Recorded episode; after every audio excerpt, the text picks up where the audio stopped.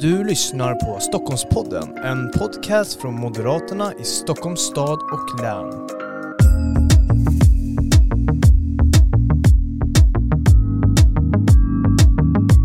Ja, varmt välkomna till ännu ett avsnitt av Stockholmspodden. Det här är Moderaterna i Stockholmsregionens podcast där vi pratar aktuell politik, brinnande sakfrågor med våra främsta företrädare och andra aktörer från olika positioner i samhället. Idag ska vi prata med en av våra främsta företrädare. Det är Niklas Wykman, du är skattepolitisk talesperson för Moderaterna, riksdagsledamot från Solna. Varmt välkommen till Stockholmspodden. Tack. Jag var rädd att du skulle säga andra aktörer, men eh, jag, jag är glad att jag är inkluderad. Ja, du är inkluderad. Hur känns det att vara inkluderad i, ja, i partiet? Det känns bra. Eh, generellt behöver vi mer, mer av inkludering i, ja. i samhället. Ja. Eh, Idag ska vi ju prata om en väldigt aktuell sak. Det är nämligen så att vi ska prata om den här fastighetsskatten. Eh, vi ska också prata om eh, kanske partiledardebatten, någonting om den som var i helgen. Eh, och sen också ska vi såklart beröra kanske återstarten av Stockholmsregionen. Vaccineringen har ju kommit igång rejält nu, så den här frågan om hur man ska återstarta Stockholmsregionen och vad man kan göra från den nationella, alltså från riksdagens håll, är ju, blir ju mer och mer aktuell. Så det ska vi försöka beröra lite idag och jag tror att det kommer gå bra, eller hur Niklas? Jag, ska, jag är påläst. Ja, det, det är en bra början i alla fall. Men, men innan vi startar så tänkte jag att jag ska ställa den här klassiska reporterfrågan. Vad åt du till frukost? Är det en klassisk reporterfråga? Ja, det är en klassisk reporterfråga. Ja. ja. men jag åt samma sak som jag äter nästan varje dag. Jag tror att frukost är väl kanske det man är mest vanestyrd mm. av. Och min standardfrukost består av kvarg, sockerfri, Vilken smak? So naturell, smak? naturell. Det är för min del viktigt att det är ja. Arlas också. Ja. Jag tycker den är bäst. Ja. Eh, det är ett tips till alla som lyssnar, Arlas kvarg. Ja, och, sen, och det är inte betald marknadsföring. Ska nej, vi... nej det, det vill jag vara väldigt tydlig med att det inte är. Och sen eh, sockerfri, men den har bäst konsistens tycker jag. Sen sock, sockerfri jordgubbssylt och clementiner. Och mm. sex koppar kaffe. Sex koppar kaffe på morgonen? Ja. ja. Men det är bra, det slår faktiskt mitt, äh, mitt kaffeintag på, på morgonen. Men hur många kaffe blir det då under dagen?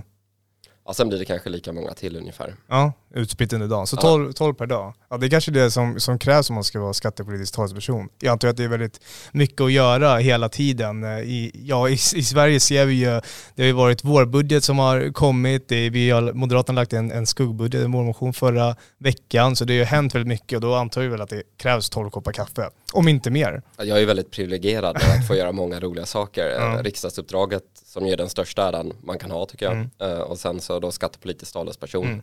Sen har jag ju politiska uppdrag i, i Solna, bland annat är jag ju uh, leder jag i vårt uh, skolarbete i Solna, sitter kommunfullmäktige och sen så är, forskar jag också i nationalekonomi. Ja, just det. Så att, det, det är fullt upp och det känns väldigt privilegierat och kul. Mm, kul. Jag tänker att vi ska gå in på, på våra ämnen idag och eh, först och främst kanske vi ska bara beröra lite kort partiledardebatten som, som var i helgen. Eh, såg du den? Vad, vad tänkte du? Vad tyckte du? Jag är på svenska folkets sida och tycker att Ulf Kristersson vann mm. eh, debatten. Eh, sen var det väl en rätt eh, tjafsig debatt tycker jag och alltså mycket sådär avbryta varandra, eh, medvetet feltolka varandra och så. Jag, mm. jag tror att där behöver Eh, de andra partiledarna höja sig. Alltså, självklart vore det bättre för deras partier, men det kanske inte gör oss något att de inte är så bra. Men det är nog viktigt för demokratin att man klarar av att leverera lite bättre än så. Uh, att det inte blir så tjafsigt, utan att det är ett samtal mellan ansvarsfulla och reforminriktade människor. Sen, sen att man vill olika saker och, och så, men detta extrema misstänkliggörande och, och tjafsande, mm. det, det, tror jag att man förlorar på eh, i helhet för, mm. för demokratin och, och, för Sverige. Men Ulf Kristersson var ju, höjde sig över det och det tyckte också svenska folket och han blev ju en tydlig segrare. Mm. Sen var det lite konstigt och vi kommer ju komma tillbaka till det, sa det här i inledningen, men eh, med tanke på hur allvarliga problem Sverige har kring jobben, massarbetslöshet, eh, 200 000 långtidsarbetslösa, 100 000 till som snart riskerar att bli långtidsarbetslösa. Så kanske lite konstigt att jobben, inte, jobben och ekonomin inte berördes i debatten. Mm. Men nu när, nu när vi ändå är inne på det, vi kanske ska beröra lite, hur går tankarna just nu i, riksdagen? För det har ju varit en budgetperiod, eh, den här partiledardebatten som var i helgen, eh, hur, hur går tankarna? Är, jobben högst på, på allas agenda? Inte allas tyvärr och definitivt inte på regeringens agenda. De, eh, de håller på mycket mycket i min bedömning med symbolpolitik och identitetspolitik i, i ena vågskålen. Mm. I andra vågskålen är det väldigt mycket politisk kohandel mellan Centerpartiet, Socialdemokraterna och Miljöpartiet mm. och ibland Vänsterpartiet. Eh, där det är viktigare att enskilda partier ska få igenom sina favoritförslag än att man ska göra något som på helheten är bra för Sverige. Mm. Eh, medan för Moderaterna då så är det ju en tydlig prioritering kring de två huvudproblem som Sverige har eh, vid sidan av eh, sjukdomen, alltså coronakrisen, mm. Mm. så är ju Sveriges huvudproblem kring eh, jobben, eh, massarbetslösheten å ena sidan och å andra sidan den otrygghet som har brett ut sig i samhället med, eh, med brister i rättsstaten som har gjort att mm. Eh, ja, hela områden ibland har annekterats av kriminella grupper eller religiösa extremister eller annat som mm som vi absolut inte vill att Sverige ska vara. Så att Moderaterna har en väldigt tydlig prioritering mot de två huvudsakliga problemen. Arbetslösheten och kriminaliteten. Mm. Och sen så eh, givetvis så är vi en konstruktiv part för att hantera, hantera krisen.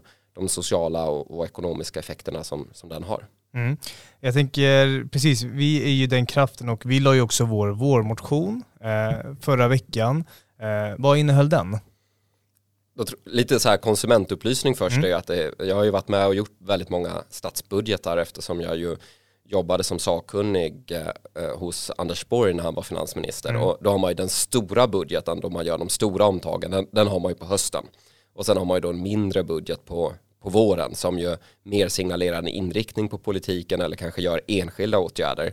Så att eh, hela vår politik med eh, bättre villkor för företag, eh, bättre villkor för arbete rent generellt och så, eh, det ligger ju fast sen, sen tidigare mm. med eh, att till exempel göra alla jobb 500 kronor mer lönsamma, stora mm. satsningar på rättsväsendet och så. Men vi gjorde två ytterligare satsningar i den här budgeten. En väldigt stor satsning på 10 miljarder kronor på att bryta långtidsarbetslösheten. Jag sa det ju alldeles nyss men det är ju värt att, att inskärpa en gång till att 200 000 personer är långtidsarbetslösa. 100 eh, 000 till riskerar att bli långtidsarbetslösa. Sverige har den fjärde högsta arbetslösheten i hela Europeiska unionen. Mm. Om man ser från 2014 så är vi det landet där arbetslösheten har ökat mest. Så att det beror ju på ett misslyckande i själva politiken och inte bara på kriseffekter. Så vi presenterade ett åtgärdsprogram på 10 miljarder kronor för att bryta långtidsarbetslösheten. Eh, det handlar ju vid sidan av det som vi tidigare presenterat med förstärkt jobbskattavdrag och med bidragstak så handlar det bland annat om en jobbpremie. Det har man mm. använt i bland annat Danmark väldigt effektivt. Eh, den som går från långtidsarbetslöshet till arbete får behålla upp mot 2500 kronor mer. Stärker tydligt drivkrafterna mm. för att arbeta. Nystartsjobben har ju regeringen halverat trots att det är den enda arbetsmarknadspolitiska åtgärden som riktigt fungerar. Så vi budgeterar då för 30 000 ytterligare nystartsjobb. Det tar ner kostnaderna rejält de arbetsgivare som vågar, vågar och vill anställa någon person från långtidsarbetslöshet. Vi avsätter också eh, väsentliga resurser för 20 000 praktikplatser. Det kanske inte har lika tydlig arbetsmarknadskoppling som nystartsjobben men det ger chans att få erfarenhet för de personer som är i, i djupt utanförskap så det, det är en viktig åtgärd. Mm. Och sen framförallt då det är sånt man associera med, med klassisk moderatpolitik, en mycket tydlig kravprofil på personer som tar emot bidrag med utbildningsplikt, eh, med krav mm. på att fullt ut delta i, eh, i, i olika åtgärder eh, som höjer sysselsättningen eller höjer ens anställningsbarhet mm. skulle jag säga. Mm. Och nu får du fråga mig om den andra delen också då eftersom jag pratade så länge. Men jag brinner verkligen för jobben. ja men precis, jag tänker bara vi, vi ska stanna kvar lite vid jobben för, för det är ju någonting som vi moderater verkligen försöker sätta på kartan just nu. Att det här är ju ett samhällsproblem och, och är det största hotet mot, mot Sverige. Eh, men, men hur kan man, vi har ju haft tidigare en rad olika kommunpolitiker här. Per Granfalk till exempel från Solna, vi har haft Mikaela Fletcher från Österåker och så vidare. Och vi har pratat en hel del om vad man kan göra på det lokala planet. Vad, vad, skulle du säga är viktigast på det lokala planet? För, för ni lägger ju, eller gör ju ert jobb i, i riksdagen. Men man kan ju också göra väldigt, väldigt mycket bra på, på det lokala planet. Solna exempelvis där du är verksam. Ja, du nämner ju eh, två, vi har ju väldigt många skickliga mm. kommunstyrelseordförande och väldigt många skickliga oppositionspolitiker som kraftigt skulle förbättra de missköta S-kommuner som finns runt om i regionen. Så att eh, och du nämner ju två goda exempel på det. Mikaela Fletcher är ju väldigt framgångsrik i Österåker. Håller ju en låg kommunalskatt och har ju sänkt skatten flera gånger. Det gör det ju mer lönsamt att arbeta. Och jag hade nyligen en, en annan aktivitet ihop med Mikaela Fletcher. Hon vittnar ju också om hur, hur den mer offensiva politik de driver har satt kommunen på kartan, har gjort den mer intressant för, för investeringar mm. och, och nyföretagande. Så det är ett bra exempel. Solna har ju en modell som har exporterats runt om i hela Sverige som vi vet fungerar. Det kallades ursprungligen Solna-modellen. Den, eh, den gjorde man ju delvis verklighet av i, eh, i Sundbyberg när vi hade makten där. Eh, när Moderaterna tog över efter det korrupta styret i Sigtuna så gjorde man ju likadant där med stor framgång. Den har ju prövats i bland annat Växjö och runt om i Sverige som ju bygger på detta med att när man får försörjningsstöd så ska man inte mötas av socialsekreterare och socionomer och så. För de, de allra flesta som behöver bidrag behöver inte det av sociala skäl eller av sjukdom, sjukdomsskäl mm. utan de behöver det för de är arbetslösa. Och då behöver man en, en arbetsmarknadskontakt och så behöver man någon som ställer sig frågan vad man behöver rustas med för att klara av att få ett jobb. Eh, och sen finns det ju många delar i detta sen men, men eh, det får man ha en särskild podd om i sådana mm. fall. Men det här är ju det allra viktigaste som kommunpolitiker, att se till att man inte blir så att säga socialt omhändertagen om sådana behov inte finns. Mm. Eh, utan att eh, behöver man ett jobb, ifall det är orsaken till att man får bidrag, då måste man få hjälp att få bättre kontakt med arbetsmarknaden. Man måste också ha krav på sig att göra sig mer anställningsbar. Det kan inte vara så att man får bidrag och därmed får man också åtta timmars mer fritid utan mm. tar man emot bidrag då måste man också ha krav på 100 procents eh, delaktighet. Och deltar man 80-90% om man inte är sjuk eller så det givetvis, men om man så att säga inte deltar i de aktiviteter man anvisade, då måste man dra in hela bidraget. Vi har ingen medborgarlön i Sverige, eh, utan eh, det, är det viktigaste som kommunpolitiker. Och mm. i den andra vågskålen givetvis se till att man har ett bra företagsklimat. Att man inte håller på med långa, krångliga, utdragna processer när det kommer till bygglov eller andra typer av etableringsfrågor. Att man inte i onödan är, är krånglig och besvär, besvärlig när det kommer till tillstånd och, mm. och miljöreglering och så vidare. Man ska ju följa lagen men, men, man ska också ge service och inte vara mer krånglig än vad man mm. behöver. Välkomna företagare, det är ju de som skapar jobben. Absolut, och det är klart eh, många ställer sig frågan hur, hur lyckas ni till exempel i Solna få så många praktikplatser och, och ha så ett bra samarbete med eh, med företagen. Ja det är klart fall första kontakten med kommunen är ja okej ni vill öppna en restaurang, vad kul, då behöver ni ha den här ansökan eller mm, och det och det, ja, det, och det. Och, ja. Har ni tänkt på det här och, och, så istället för att man bara dyker upp och stänger ner verksamheter istället. Mm. Så att eh, det är klart att det, det, är en helhet som hänger ihop. Mm. Jag tänker att vi också ska nämna den andra delen av eh, vår skuggbudget. Den handlar ju om att vi ska minska otryggheten. Då, då. Eh, kan du berätta lite om det? Ja, där är ju Moderaternas andra stora satsning eh, i, i budgeten. Eh, se till att bekämpa arbetslösheten och bekämpa kriminaliteten. Eh, och brottsligheten är ju utbredd och ser ju lite, lite olika ut men det är många typer av grupper som har passat på att utnyttja att rättsstaten inte fungerar så bra. Mm. Det handlar ju om allt från ska vi kalla det småbus eller uh, ungdomsgäng och så som rent allmänt uh, begår brott och småstölder. Det handlar ju om en organiserad internationell brottslighet mm. uh, som lite beroende på, på brott men sådana här brott man ofta möter som rån och stölder och så vidare mm. beräknar man ju att vissa typer av sådana brott begås hälften och andra typer av brott upp mot 90% av utländska organiserade ligor. Det handlar ju om människor med starkt eh, extrema religiösa motiv som söker diktera livsvillkor för människor. Alltså det finns många olika mm. obehagliga grupper som eh, försökt, försöker, eller försöker som lyckas utnyttja de svagheter som finns i rättsstaten. Så därför har vi ju en, en bred satsning. Det viktigaste är givetvis poliser. Eh, med, vi satsar på polislöner. Det är en satsning på 3 000 kronor mer i lön för poliserna. Det är motsvarar ungefär 350 miljoner kronor mm. i statens eh, budget. Vi satsar närmare en halv miljard kronor på att förbättra polisens tekniska möjligheter eh, med bättre möjligheter att, eh, att avlyssna och inhämta information kring kriminell verksamhet så skulle vi kunna bekämpa många fler mm. brott i Sverige. Till exempel Encrochat var ju en, en sån framgång. Absolut, mm. eh, inte för svensk, ja det, det, ja, blev, det underlättade ju för, för Sverige, då har ju fransk Precis. polis då ja. och, och den typen av den typen av kompetens mm. och tekniska möjligheter ska i större utsträckning också finnas i, i, i, Sverige. Ja. Och sen så gör vi, som ligger i mitt ansvarsområde i, i riksdagen då, kring, kring tullen, en satsning på 400 miljoner kronor mm. på ett bättre, bättre gränsskydd. Um, det är många åtgärder där, ska inte rabbla alla, men Nej. en viktig sak är ju att uh, internationella stöldligor kommer till Sverige, de, begår, eh, de gör villainbrott, de stjäl mm, från bilar, bilar och exakt, båtmotorer och så vidare och sen kan man köra rakt ut med stöldgodset. Mm. Och Moderaterna tänker sätta stopp för det genom att vi ska ha kontroller vid gränsen för utförsel också mm. eh, utav varor. Så det är ett paket med så att säga, fler och mer välavlönade poliser. Eh, det är en satsning på bättre teknik eh, och det är en satsning på ett bättre gränsskydd så att man inte kan åka in och ut och helt enkelt mm. Eh, stjäla från vanliga familjer runt om i vår region och hela landet. Mm.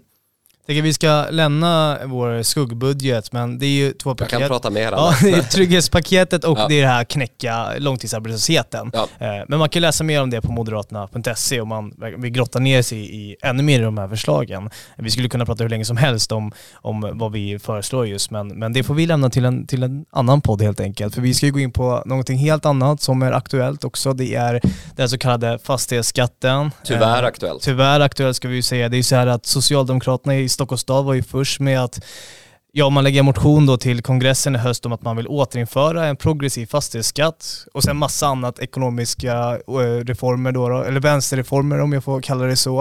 Eh, det är till exempel avskaffa RUT och eh, nyskatt ny skatt eller progressiv kapitalskatt och så vidare. Och det här är ju så att nu har ju också Malmö och Göteborg ställt sig bakom det här och man får en hel del stöd. Man ska också komma ihåg att det är Anders Ygeman i Stockholms stad. Så det är inte en eh, lokal eh, politiker som har gått ifrån, ja, om man ska, kan säga att de inte har, partiet inte har en inriktning med fastighetsskatt. Så det är egentligen Anders Ygeman som är minister eh, och nära Stefan Löfven. Då, då Men Magdalena Andersson har ju sagt att de inte har några planer på att eh, återinföra en fastighetsskatt. Kan man lita på henne?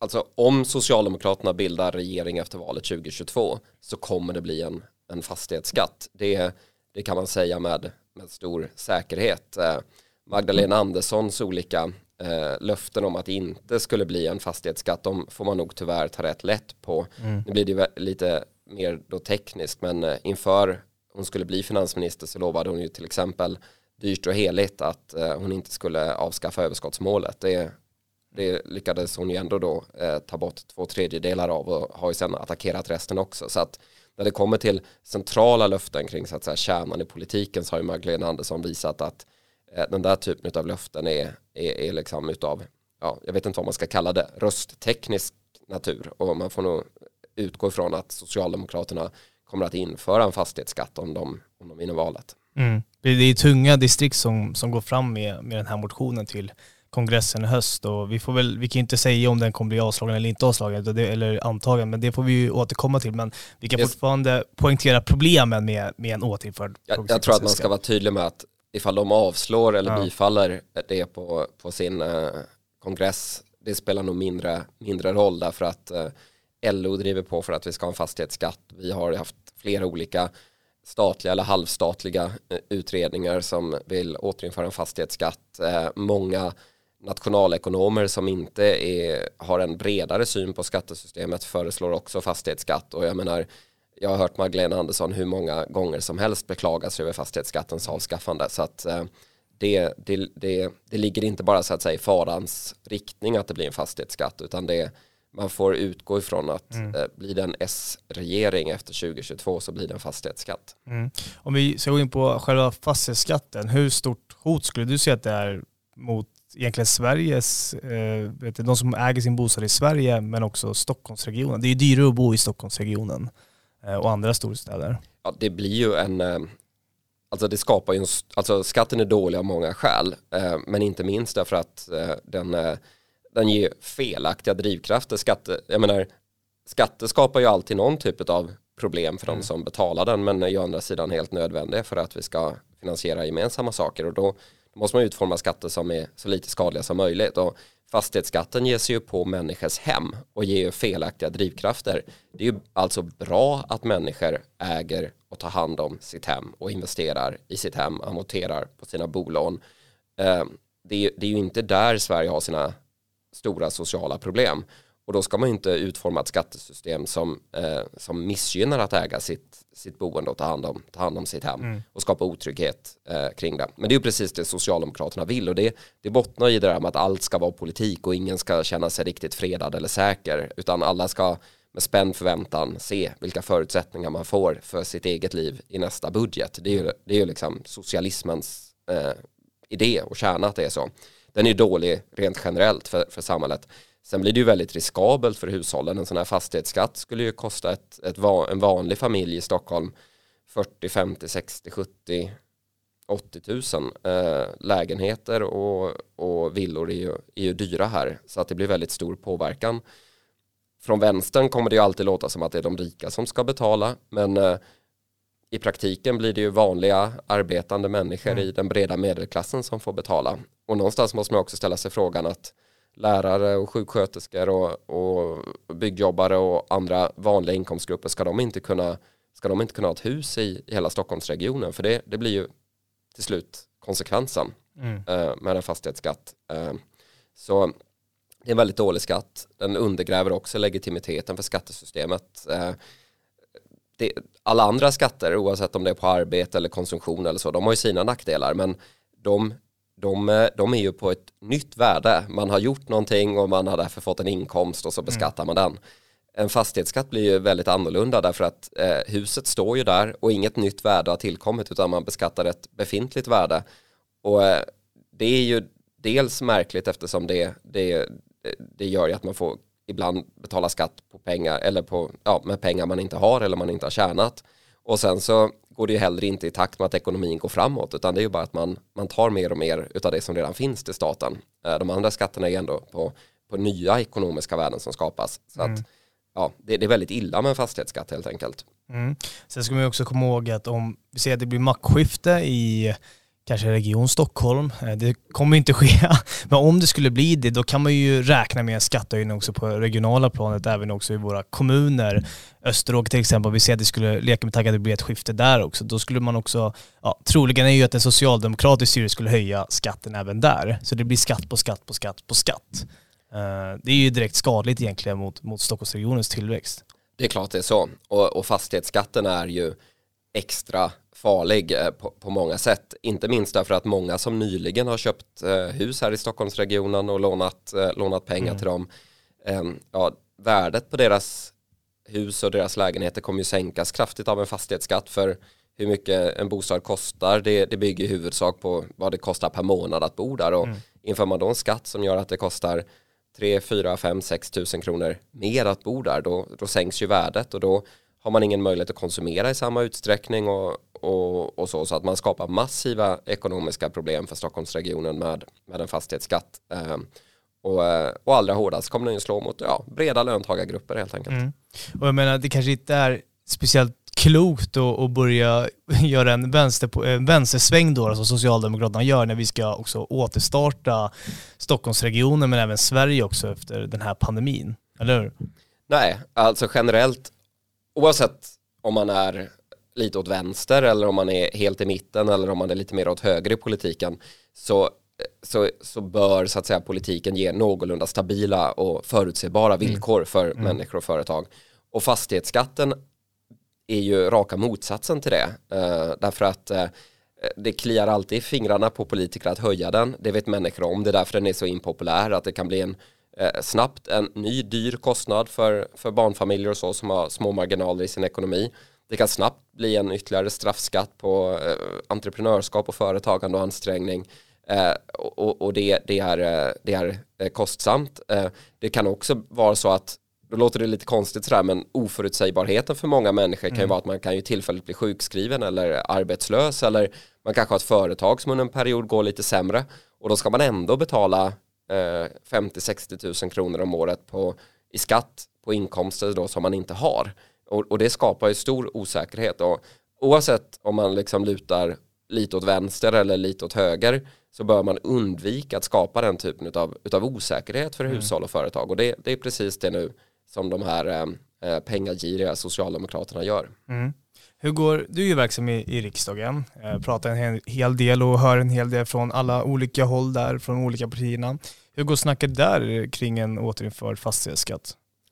Det är uppenbart att Socialdemokraterna vill ha en återinförd fastighetsskatt. Vänsterpartiet vill ju också ha en, eh, eller de vill ju definitivt ha en återinförd fastighetsskatt och, och helst mycket högre än vad Socialdemokraterna vill därför att de gillar ju inte det här med att människor äger saker själva. Det är ju helt ideologiskt drivet. De vill ju att alla ska bo i, eh, i eh, hyresrätt och alla hyresrätter ska vara kommunala och så ska beslut över människors hem fattas på kommunfullmäktige sammanträden. Det är ju så att säga en, en, en ideologisk idé de har. Eh, sen, sen har ju den typen av sam samhällen aldrig fungerat särskilt väl men det är, det är så de tycker att det, det ska fungera. Mm. Så, så, eh, så där finns det ju starka drivkrafter för fastighetsskatt. Miljöpartiets nya språkrör var ju hennes första brandtal var ju inte riktigt kring så att säga vad vi skulle göra för miljön utan det var ju hur vi, vi skulle införa fler skatter och, och driva en ja, de kallar det utjämnande politik. Eh, men eh, jag vet inte, ja, en, en politik för ökad fattigdom blir det ju mm. oftast i praktiken ja, om man ska göra så.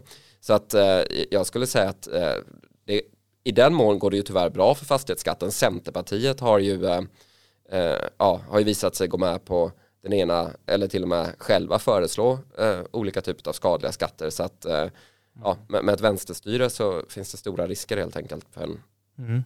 fastighetsskatt. Precis, vi, vi, får se hur det utvecklar sig. Eh, men jag tänker, vi går ju nu mot ett val, 2022. Eh, det är ju inte så långt kvar, tiden går snabbt och det här året går ju i raskande takt.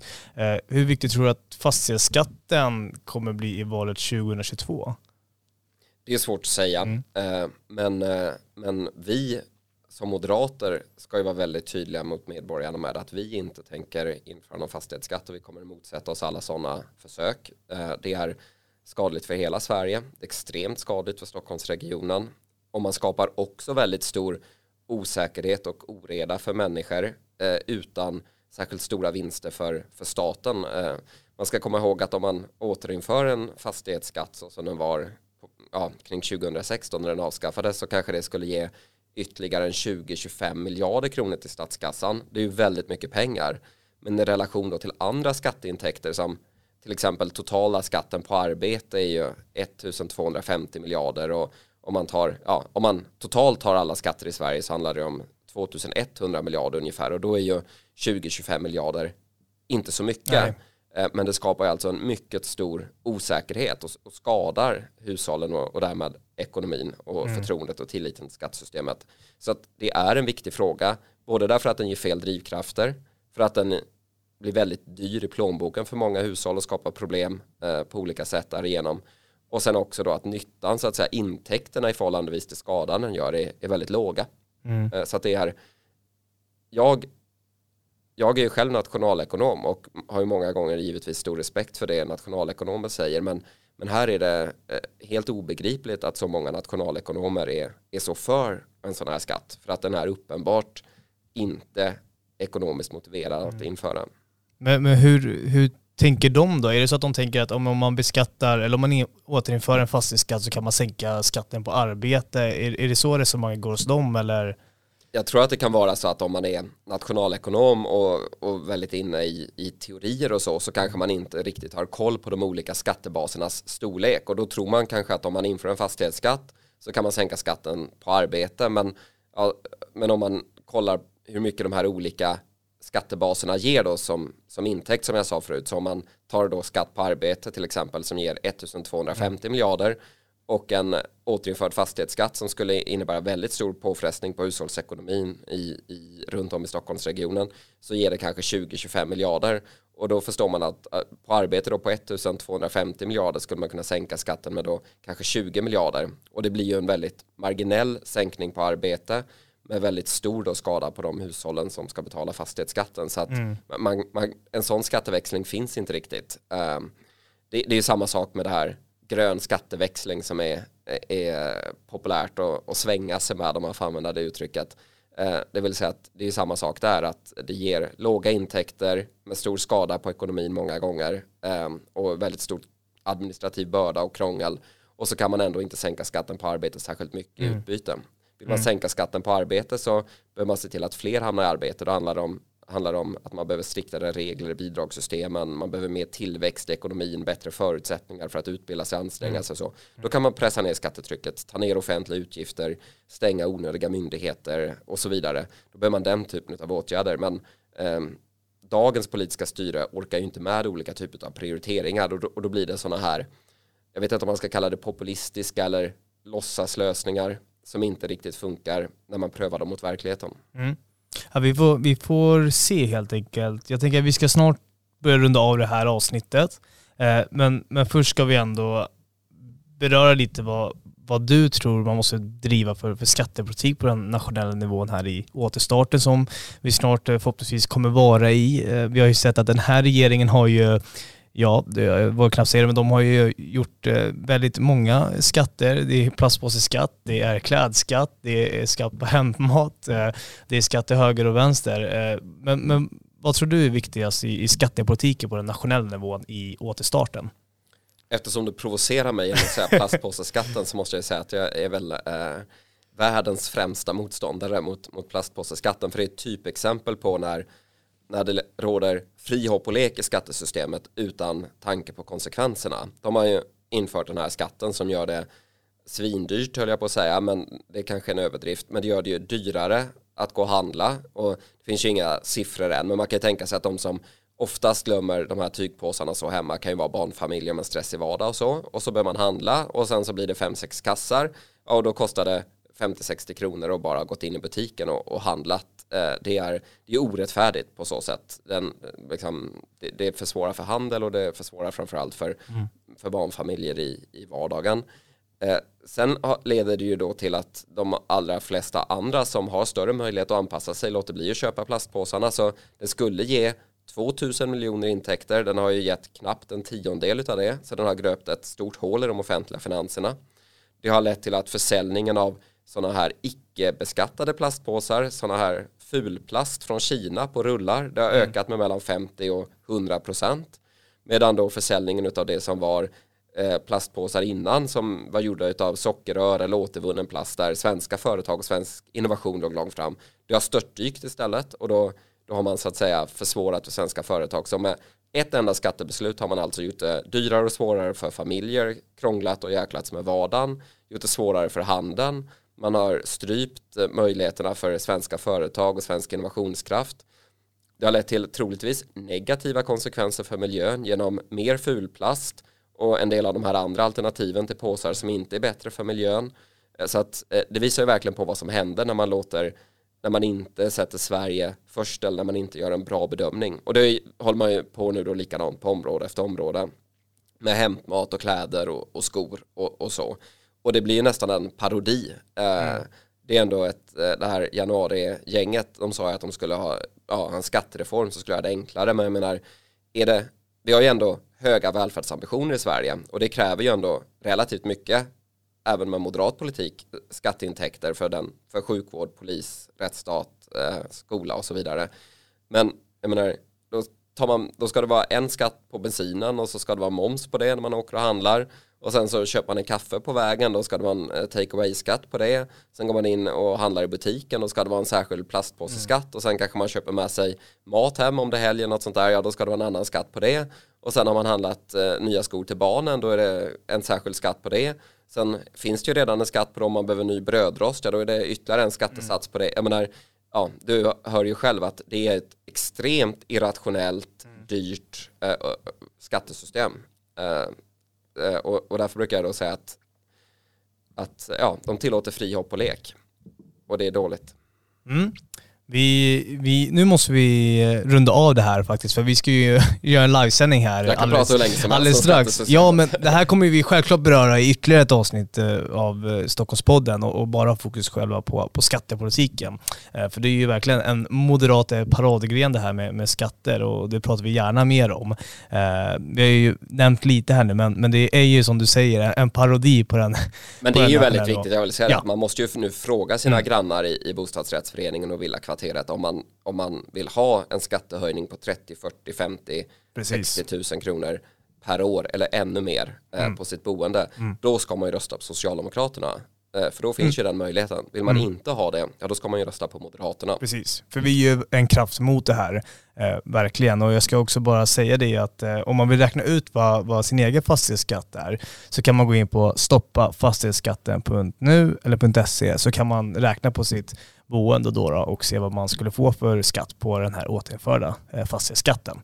Eh, och då tror jag att man, eh, man landar nog i att nej, det kanske inte är eh, riktigt eh, skönt för mig att få den här skattehöjningen. Så.